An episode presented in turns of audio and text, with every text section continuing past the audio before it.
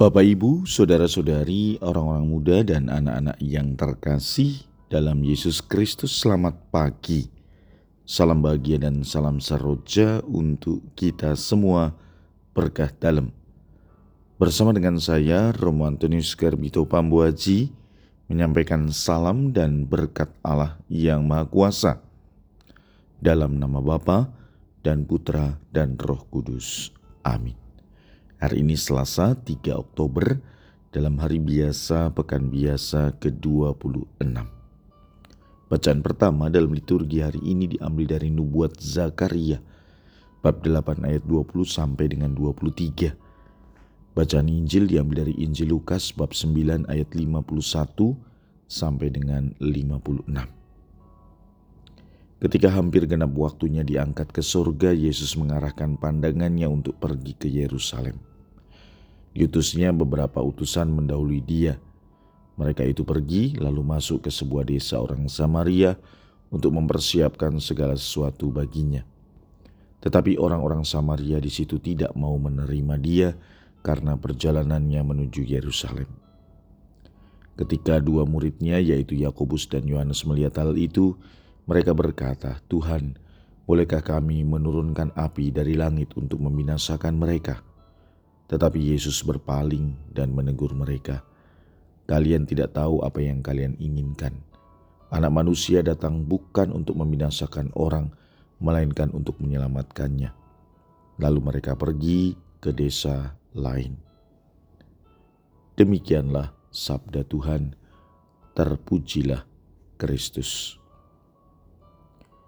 Saudara-saudari yang terkasih, dalam kehidupan kita sehari-hari, kalau kita berbuat kasih, memberikan cinta dan perhatian kepada orang-orang yang kita kenal dengan baik, maka itu begitu mudah bagi kita. Tetapi dalam situasi yang terbalik, yang menantang kita, atau orang-orang yang menolak kita, mungkin ada saat-saat ketika kita harus memberikan kasih karunia itu begitu sulit. Karena itulah yang Yesus tunjukkan kepada kita dalam kasihnya yang tak terbatas. Mari kita berusaha meniru sikapnya dan menjadi perpanjangan tangan cinta Allah kepada sesama kita. Dalam Injil hari ini, kita bisa belajar. Yesus datang ke dunia bukan untuk merusak atau menghancurkan, tetapi untuk menyelamatkan.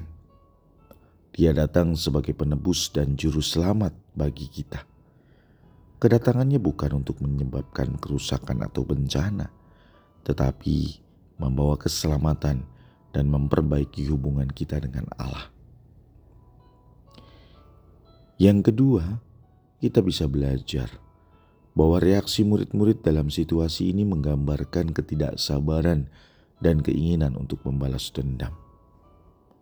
Mereka segera ingin menghancurkan desa yang menolak menerima Yesus. Namun Yesus menegur mereka karena reaksi ini tidak sesuai dengan kasih dan rahmat yang dia perjuangkan. Maka saudara-saudari yang terkasih, mari kita mohon rahmat Tuhan agar Tuhan menuntun kita untuk dapat melaksanakan sabda Tuhan hari ini.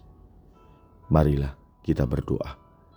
Tuhan, bimbinglah kami untuk dapat melaksanakan sabdamu hari ini dengan rendah hati dan penuh kasih memberikan kasih dan karunia, berkat dan rahmat kepada saudara-saudari kami. Berkat Allah yang Maha Kuasa, dalam nama Bapa dan Putra dan Roh Kudus. Amin.